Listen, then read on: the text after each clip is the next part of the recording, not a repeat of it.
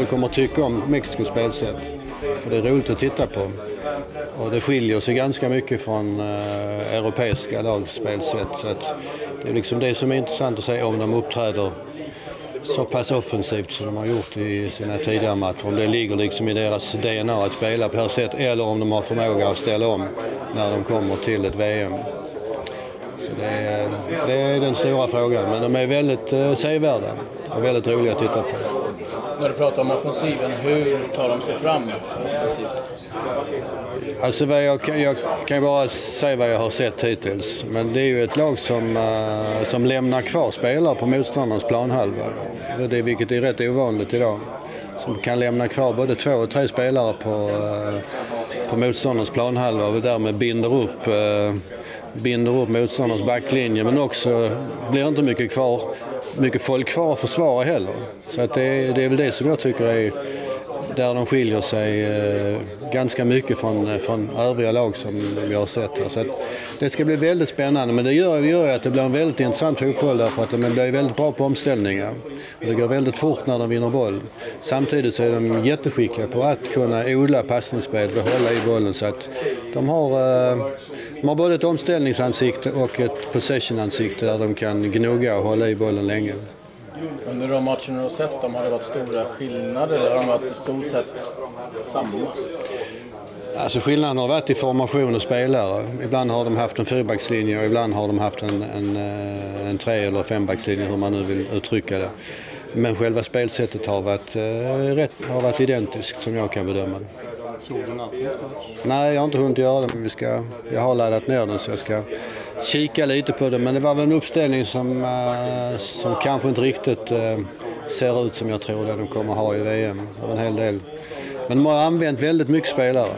Som Sydkorea, vad jag förstått, har då haft rätt så mycket eh, samma spelare.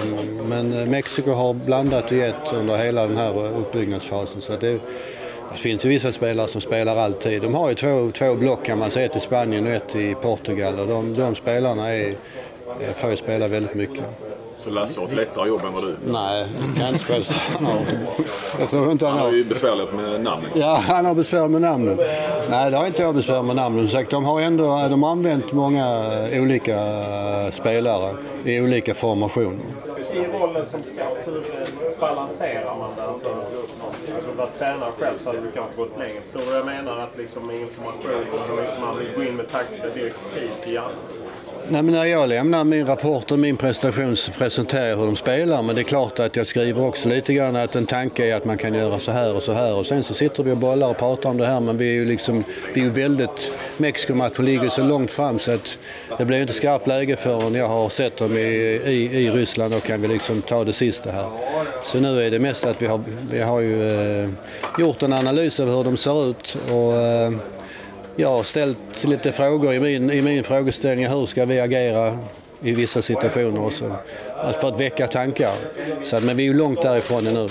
Arbetssättet, hur, hur, hur, som, hur tar du an, som det börjar med Mexiko, som i vissa lag kanske är det som blankt papper? Ja, det är ett blankt papper.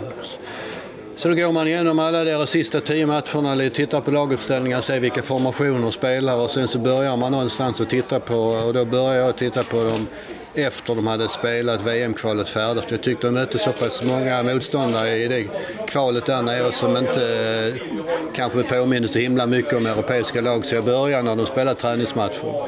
Så jag har börjat sett sätta när de, de var ju jätteduktiga i, eh, i Europa i, i fjol höstas när de eh, slog eh, Polen med 1-0 borta och spelade 3-3 borta mot, eh, mot Belgien och hade ett bollinnehav på 70-30 till exempel. Där, liksom, där fick man de första indikationerna på att det här är ett väldigt, väldigt skickligt lag.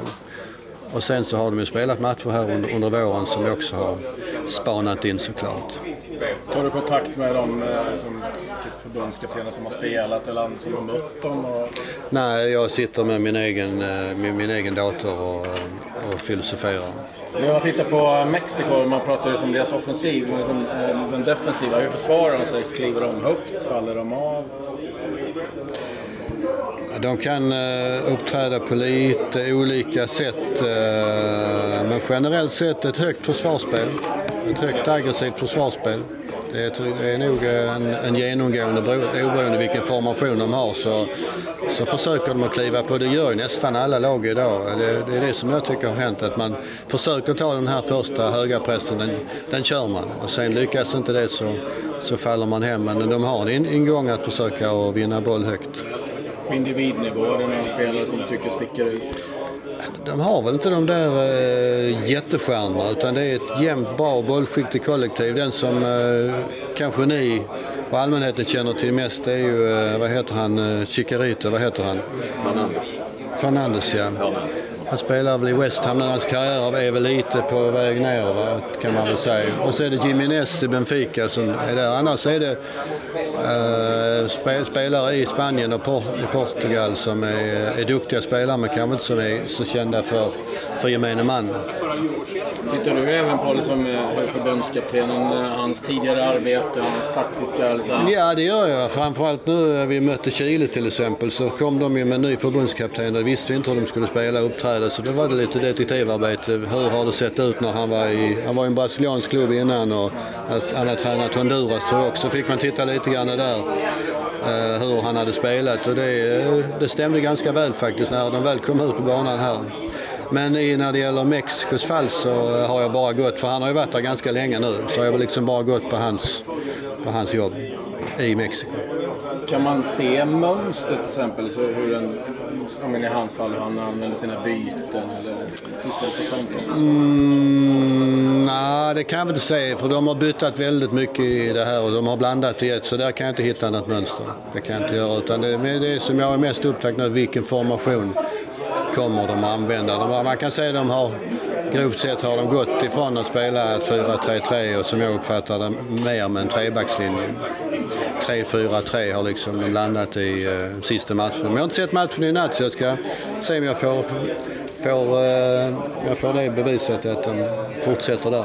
Men du tvivlar på att de går in i, mot Tyskland i 3-4-3 eller är det så du känner? Nej, nej, det är det jag inte vet. Nej, nej. Det är det som ska bli det roliga det är det som vi också då måste vara... Men det är inga problem ju. När vi, väl, när vi väl har sett dem i de här tre, Danmark, Tyskland och Sydkorea, så tror jag nog att vi har en bra bild. Det kan ju bli... Det, det, det är intressant och spännande och med Mexikomatchen, den kan betyda allt och intet. Det viktiga är ju liksom för vår del att den betyder någonting väldigt, väldigt mycket. Och det kan vara sådana förutsättningar att Mexiko går vidare om de får oavgjort eller Mexiko går vidare de måste vinna. Va? Det är klart, då har de en annan ingång i sitt spel. Så det blir lite mer rävspel där, förmodligen. Men du menar om de skulle gå in mot Tyskland, för det, ja de måste ha Tyskland i första, ja precis. Med 3-4-3, då gör de nog det mot Ja, det, också. Om det, vet jag, inte, det vet jag inte, men om de gör det ska det bli se, spännande att se hur de, hur de hanterar det. Man kan ju gå in på individnivå. När du tittar på, på lagen. Ja. Presentation. Tittar du på spelare som kanske är lite känsliga, någon blir provocerade? Jo, absolut. Vi gör någonting faktiskt för något som heter Penpix. Vi har gör en, eh, en mall eh, på alla spelare där vi eh, där det blir en, en hyfsad eh, noggrann presentation av både karaktär och spelsätt och som sen eh, sätts upp i omklädnadsrummet eh, matchdagen och som spelarna kan, då, kan gå och titta på. De kan också gå till oss och, och få lite videobilder om de tycker om det. Så att det finns en, en rätt så gedigen kartläggning av hur, hur det ser ut. Och sen är det från spelare till spelare hur de vill utnyttja det. Vissa spelare är mer intresserade av att få reda på, vissa är, är mer sorglösa och klarar det, litar på sin egen förmåga. Så, så är det ju alltid. På fasta situationer, är det liksom att mer man tittar på hur de ställer upp på defensiva än vad på offensiva? Ja, nu är det så att vi har, eh, vi, vi har inte fasta situationer utan det gör Mats Elmendal. Det har blivit den förändringen. Eh, men det är ju framförallt såklart att leta, nej det är båda straffområdena såklart, och se vilka, vilka som är bra i, i offensiven och var problemen och svårigheterna finns i deras defensiv. Så att det är både, både och. Det kan man inte säga att är, vi är mer koncentrerade på den ena typen av fasta än den andra. Jag tänker man ofta kanske döljer sina offensiva tankar. Ja, det kan du ha. Men alltså, ja, när det gäller hörnor och frisparkar så tittar man ju rätt mycket på vilka spelare som har en hyfsad längd och som är bra i, i luftrummet. Så att, där gör vi faktiskt också, utan att avslöja för mycket, en viss rangordning mellan vilka spelare och vilka som är farligast. i, i, i huvudspelet. Så att, så att Mats får liksom den här rangordningen 1 till 5, vilka som är farligast. På VM i Brasilien Tom, så var ju syd och mellanamerikanska landslagen tämligen framgångsrika. Ja, Vi får se lik, likadan utveckling den här gången. nu, ja det är, nu går ju VM inte i Sydamerika, den går i, i Europa. Så att, eh, nu, traditionellt så har väl sydamerikanska lag haft lite problem när de kommer till, om vi nu räknar Ryssland till Europa. Men jag håller med, de är väldigt sevärda. Både Chile som vi nu har mött, och jag tror det var väldigt nyttigt för Sverige att få möta Chile. För att möta den typen av kvicka, rörliga eh, spelare som inte håller formationen, som inte är så strikt eh, eh i sitt eget rörelsemönster. Så det var bra att, eh, att få möta. Och, och Mexiko är ju i, paritet med dem också. Ni har Peru väl också? Och Peru har vi nu också, vilket också är en väldigt bra, eh, bra eh, träning inför det här. Så jag tror när vi kommer till VM så har vi nog betat av eh, olika spelsätt att möta, vilket vi kan ha nytta och glädje av.